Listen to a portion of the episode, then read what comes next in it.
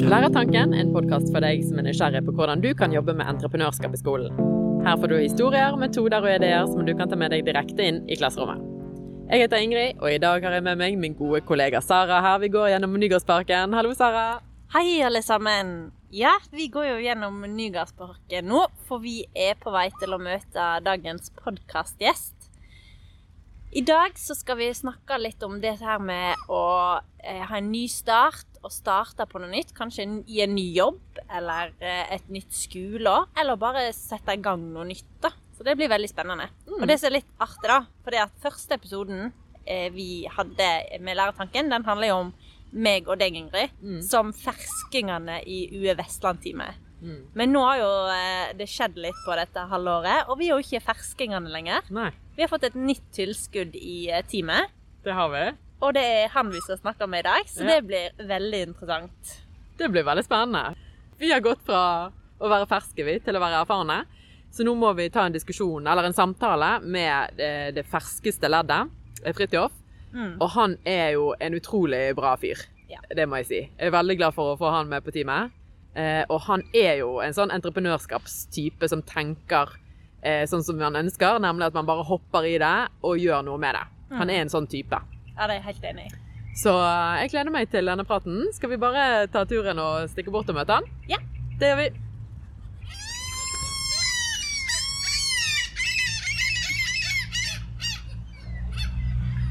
De var enige. Ja, da sitter vi her på eh, dette her flotte grupperommet eh, her på jobb. Um, og jeg syns jo denne situasjonen her minner litt om et sånt eh, jobbintervju. Jeg vet ikke, Kjenner du litt på det, Fridtjof? Jeg kjenner litt på at det er en forlengelse av intervjuet. her Ja, for det er jo ikke så lenge siden. Nei, det er ikke så lenge siden, og det blir liksom press på at jeg skal prestere her nå også. Ja, du kjenner på det? Ja. Nei, jeg, eh, jeg har tenkt litt på eh, den, eh, det intervjuet som du hadde for et halvt år siden. Jobbintervjuet. Eller cirka, det var litt over et halvt år siden. Ja. Og jeg syns at der gjorde du en veldig god figur. Og jeg tenkte allerede da at han her, han kunne jeg tenkt å jobbe med. For du hadde veldig gode og reflekterte svar, syns jeg. Så da setter vi i gang med intervjurunde to, da. Ja. Og så er det jo veldig interessant om du først har lyst til å fortelle litt om deg sjøl før vi setter i gang. Ja, det må jeg gjøre. Men jeg må jo si at eh, jeg lovet kanskje mye på intervjuet, og intervjuet var, var gøy. Men det har vært kjekt å komme inn i en sånn avslappet sone som vi har her nå. Så presset er der ikke nå. Vi har det koselig her inne på rommet. Du har til og med båret inn en plante for anledningen, så det, det setter jeg pris på. Men jo, jeg heter Fridtjof. Værbestandig bergenser som eh, ja, er glad i friluftsliv. Eh, begynte jo her, som du sa, i januar. Før det så har jeg jobbet som lærer på ungdomsskole. Og eh, nå er det entreprenørskap som står i fokus. Vi jobber fortsatt eh, inn mot skolen, og eh, det er det, det vi konsentrerer oss om. Så Veldig bra. Du har jo nå eh, vært der da snart et halvt år. Eh, og det har jo i tillegg vært et veldig sånn annerledes år for oss alle, da. Eh, og, så, og så vet man jo ikke helt hva man går til når man skifter jobb. Men hva syns du har vært den største overgangen, da? Jeg må jo si det første var tredje, søndag 3. januar. Dagen før min første dag eh, her. Så ble det plutselig rød sone på eh, rødt nivå på alle skolene. Da satt jeg med en følelse av at det var litt deilig å slippe den eh, omveltningen dagen etter. Og det har jo egentlig jobben vært litt preg av nå i starten. at det har vært roligere og mer tid til å sette seg inn i ting. og Det har kanskje i perioder gått i litt lavere tempo enn det det har gjort eh, på skolen i samme periode. Eh, Men samtidig så er det vanvittig mye å sette seg inn i. Det er, Man kan jo egentlig sitte nedgravd og bare fordype seg fordype seg og, og oppdatere seg på ting. Eh, Så det ja, største overgangen er nok eh, det at man må sette seg inn i mye. men det har også vært kjekt at det har vært mye forskjellig på jobben. Det Som også eh, har overrasket meg litt, men som har også vært kjekt. eh, å- Det er jo mange lærere som syns at eh, arbeidshverdagen er veldig stressende. For man går liksom fra det ene til det andre hele veien. Så det er jo på en måte litt det du beskriver. da. At en lærerhverdag kan være veldig stressende. Og så kommer du inn i et arbeid som er mer sånn eh, snevra inn på sett og vis. Så du har tid til å faktisk sette deg ned og gjøre ting skikkelig, og fordype deg da, om du har lyst. Så det er jo veldig kult. Det opplevde jeg òg faktisk eh, eh, når jeg begynte. At eh, å, du fikk faktisk roen til deg til å gjøre et skikkelig stykke arbeid. Ak ja, akkurat det der er jeg helt enig i. Roen til å sette seg ned og så tenke i arbeidstid, den er helt annerledes nå enn eh, hva den var. Ja. Så bra. Det første halvåret det kan jo være litt sånn eh, prega av litt sånn kaos. For det er så mye man skal sette seg inn i og, og forskjellig, og mange man skal lære å kjenne. Eh, og så Det går kanskje litt sånn, i hvert fall for meg så gikk det kanskje et halvt år før jeg liksom klarte å lande litt sånn skikkelig i jobben. Så eh, hvordan har det vært for deg? Det har vært eh, Jeg føler meg fortsatt som fersking. Jeg gjør det. Jeg føler meg fortsatt eh, som at jeg har mye å lære om eh, programmene våre og den slags. Eh, og jeg bruker kanskje ikke nok tid på å tenke over hva måte, man, man får til i jobben så tidlig. Eh, men det er vanvittig mye rart, og forskjellig vi har gjort der, som eh, jeg også har mestret. Eh, og det er jo selvfølgelig uvant, men eh, man lærer hver dag. Livet er et lære, sa en stor mann en gang i tiden. Ja, og så eh, når vi er inne på fortsatt det her med eh, før og etter, da, eh, så er det jo eh, Jeg vet ikke, jeg blir, kanskje entreprenørskap ikke blir snakka om så veldig mye i eh, læreryrket. Eh, men nå snakker vi jo entreprenørskap hele tida. Eller hva tenker du? Godt spørsmål, og det tar vi egentlig tilbake til forrige spørsmål. Hva er den største overgangen? Og kanskje det akkurat det jeg vil eh, peke på som den største overgangen fra min forrige jobb til denne jobben. Det er pratet om entreprenørskap. For det er litt om eh, bakgrunnen min. Eh, Jeg har jo vært i bl.a. i en studentorganisasjon, Start, som jobbet med entreprenørskap. Og det, og det har på en måte vært med meg litt i, studietiden etter det. Men jeg har fått et helt annet blikk på, på entreprenørskap nå. Konseptet pedagogisk entreprenørskap og eh, altså ha det pedagogiske blikket på entreprenørskap, det har ikke jeg hatt tidligere. Gått gjennom eh, fem år på eh, universitetet eh, på lektorutdanningen der uten at ordet er blitt nevnt, kanskje. Så eh, det, det har vært en øyeåpner. Eh, og der, man tidligere, eller der jeg tidligere satt og snakket om startups eller verdiskapning betydde økonomisk verdiskapning, så det er nå heller blitt eh, til lære, lærefokuset i det. Verdiskapningen er jo, det er jo all læringen som eleven får ut av dette her. Eh, hvordan de utvikler seg som person. Eh, og eh, entreprenørskap, det ser jeg nå på som en, eh, en læringsstrategi som elevene kan ta i bruk, framfor bare å starte opp en bedrift. Vil du si noe? Ja, jeg tenkte å si fordi at eh, jeg hadde litt sånn samme opplevelse sjøl. For det var sånn Jeg tror kanskje jeg òg har på en måte vært innom entreprenørskap sånn gjennom utdanning og jobb og sånne ting, men ikke helt skjønt at det var det jeg holdt på med før jeg begynte i Ungt Entreprenørskap og fikk satt litt sånn ord på det og tanker og systematisert det, så falt liksom ting litt sånn på, på plass. da, At OK, det, det er faktisk en systematisk metode vi kan bruke eh, for, ja, inn i undervisning, men òg liksom sånn for å utvikle seg som person, da. Mm, ja. Kanskje det var sånn at alle lærere skulle hatt seg liksom bare prøvetid her for å øve inn. Kunne Ja. gå tilbake igjen. Men eh, nå i denne her eh, perioden her, vi går mot sommerferie, eh, det er mange som er ferdig på skolen, skal gjerne bytte skole, eh, eller mange skifter jobb i denne perioden da. Eh, så, eh, ja. Hva er dine beste tips eh, til det der når du skal starte på noe nytt? Hvordan kan denne overgangen bli best mulig, synes du? Jeg vil si lave skuldre og et åpent sinn, eh, først og fremst. Det viktigste når du skal inn i ny jobb, eh, vil jo jeg si kanskje, er relasjonene til kollegaene dine. Det er viktig i starten, også for at du skal eh, At de tar deg godt imot, er kjempeviktig. Og og pleie på en måte eh, de relasjonene der i starten, det tror jeg er viktig for trivsel eh, over lang tid. Eh, så er jo dette her med å holde seg eh, utenfor komfortsonen eh, en del. Det høres jo kanskje ut som en klisjé, men man sitter jo gjerne på et intervju og så lover at du er sier at du er glad i å pushe deg selv og pushe, pushe grensen litt, da. Og det gjelder også når du først er i jobben, så er det bare å hive seg litt ut i det. Eh, komme seg litt ut av komfortsonen, fordi jeg vet det selv òg, det er lett å eh, sitte og bli litt eh, comfy innenfor rammene der. Eh, og det er jeg kjent på også her eh, i jobben. Så det var veldig bra tips. Litt ut Ja. av komfortsonen og bygge gode relasjoner fra start av.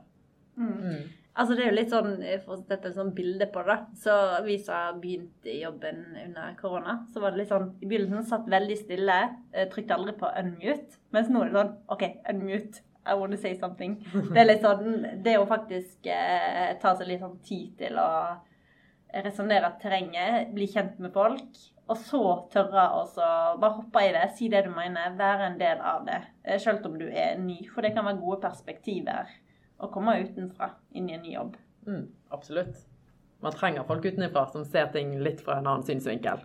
Ja, for det, det kommer jo over til egentlig det neste altså, jeg tenkte å spørre deg om. Det var litt sånn for, Fordi innenfor et arbeidsmiljø så finnes det jo ofte liksom et stammespråk, eller en måte å snakke på, eller en måte å gjøre ting på. Eh, og da er det litt sånn artig å høre liksom, hvordan har du opplevd det i eh, UE Vestlandet? Heldigvis så er jo, er jo fokuset er jo på eh, læring og undervisningsmetoder både her eh, og i skolen. Så eh, mye av språket kan være ganske likt. Man snakker om fagfornyelsen. man snakker om Men nå, forskjellen nå er gjerne hvor passer entreprenørskap inn i fagfornyelsen. Og gud bedre, det passer inn vanvittig mange steder som jeg ikke har vært bevisst på tidligere. Ehm, men det er, det er spesielt dette her med å, med å se mulighetene. Sant? Jeg må eh, sitere vår gode kollega Eivind her.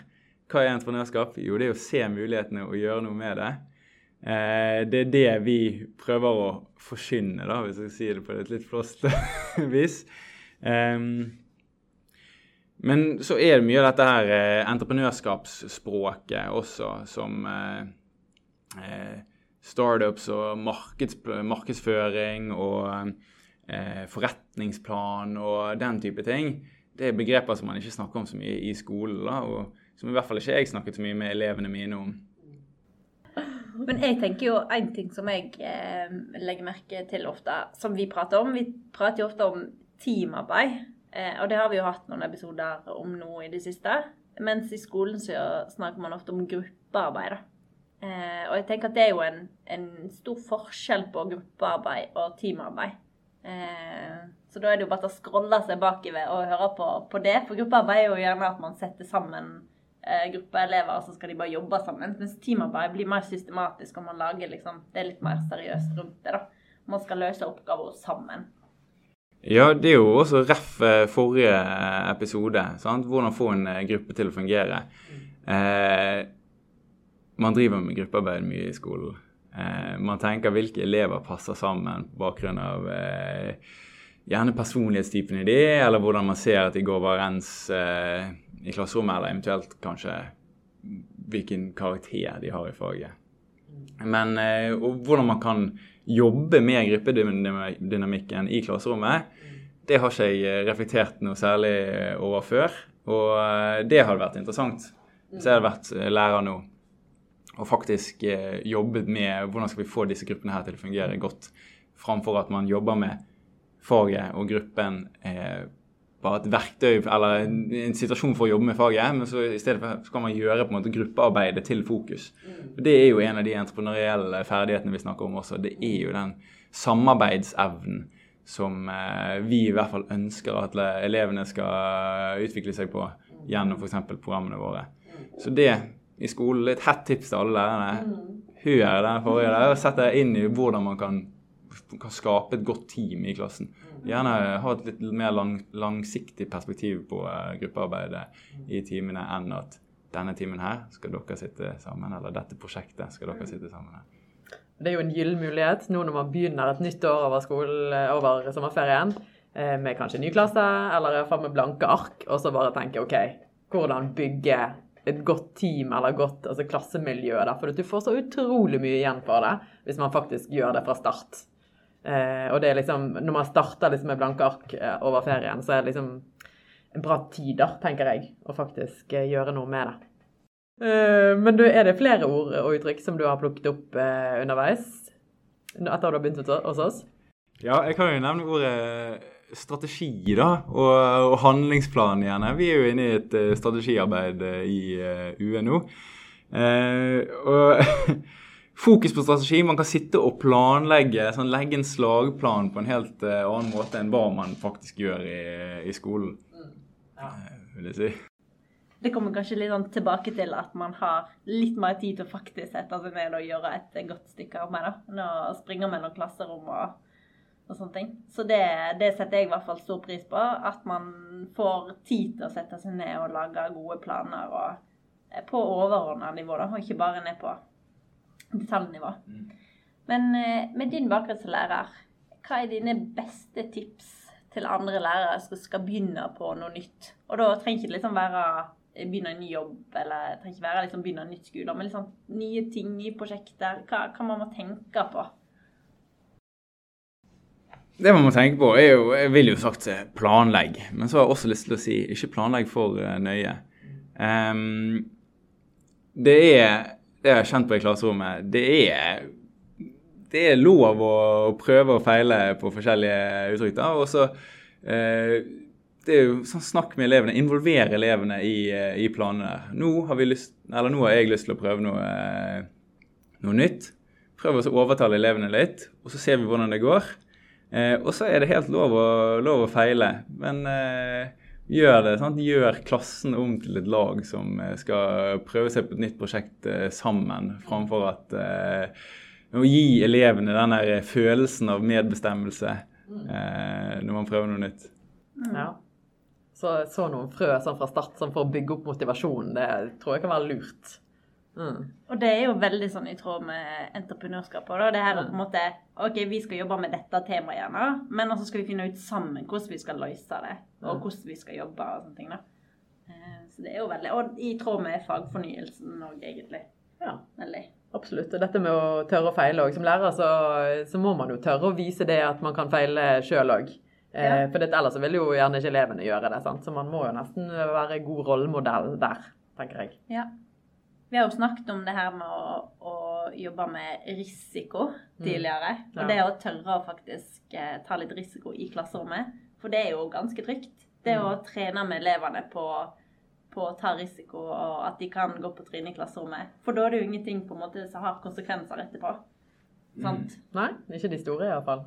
Men så skaper de seg noen utrolig gode eh, erfaringer å ta med seg Ja. videre. da. Og det er masse god læring i det. Det er masse god læring i det. Det er det. Mm. Så mer av det. Mm. Ja, det syns jeg. Veldig bra. Men eh, eh, altså, disse her tipsene da, til lærerne, vi er jo veldig opptatt av det. Så jeg tenker vi bare fortsetter litt på, på tipsrunden. Eh, for når det kommer da til entreprenørskap i, og jobbe med det i klasserommet, hva, hvordan ville du ha begynt å jobbe med det, da? Man må gjerne begynne med å vekke interessene til elevene på et vis. Ehm, og det kan være frie prosjektoppgaver, men jeg tror noe viktig i starten kan være å invitere inn eksterne eh, for elevene.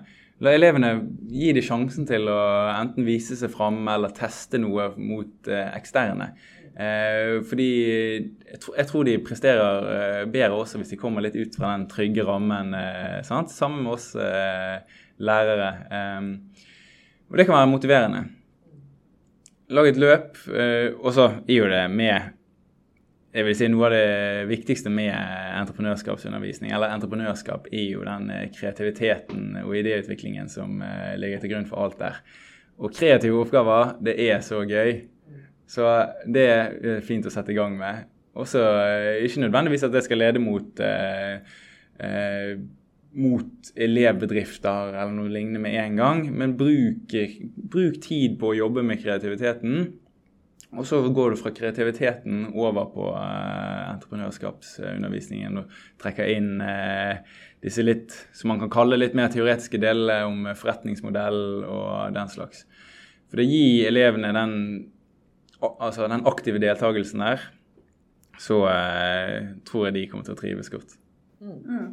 Altså, jeg pleier å si at når du skal når du skal eh, ha gymtime eksempel, og spille fotball, så må du varme opp eh, før du skal spille fotball. Og det er jo det samme med kreativiteten. Hvis du skal kunne se mulighetene og gjøre noe med dem, så må du faktisk trene på forutsetningene til å se mulighetene og gjøre noe med dem. Og det er jo på en måte der de kreative oppgavene ofte kommer inn. da. Altså, Ja, de er litt sånn tullete og flåsete, noen av de, men det hjelper oss å komme over i en mer seriøs fase der vi klarer å åpne oss mer. Mm. Ja, nå er det snart sommerferie. Eh, skal du ha en eh, kreativ sommer i år, eller eh, har du noen planer? Kreativ sommerferie? Hvordan definerer man en kreativ sommerferie? Det skulle jeg likt Kanskje litt på? Nei, vi har, vi har satt et vi sier at vi har satt et løst rammeverk Ja. for gjennomførelse. Men det blir noe Det blir noe, det blir noen netter i telt og Jeg vet ikke helt hvordan man skal kombinere eh, altså Høyfjellet i telt sammen med f- sluttspill i eh, EM, men vi skal nå løse det på et eller annet vis. Ja, Må være løsningsorientert, Ja. tenker jeg. Mm. Det var bra. Vi, vi snakket om å, hva skal Fridtjof gjøre i eh, ferien? Og fisking og fjelltur, fant du ut. så jeg tror kanskje vi Vi var ikke så langt unna. Mm. Nei, men da er det vel bare å takke for praten, tenker jeg. Tusen takk for at jeg eh, fikk komme. Har jo alltid drømt om å være på TV, og en podkast må jo være det nest beste. Da får vi bare si tusen takk for alle som har lytta på oss denne sesongen. Og så er det jo selvfølgelig eh, Vi planlegger sesong to, så da er det bare til å glede seg masse. Ja, vi høres til høsten. Du har hørt en episode av Læretanken. Jeg heter Ingrid. Jeg heter Sara. Del gjerne denne podden med noen du kjenner. Gøy at du hørte på. Og husk, innovatører, de finnes overalt.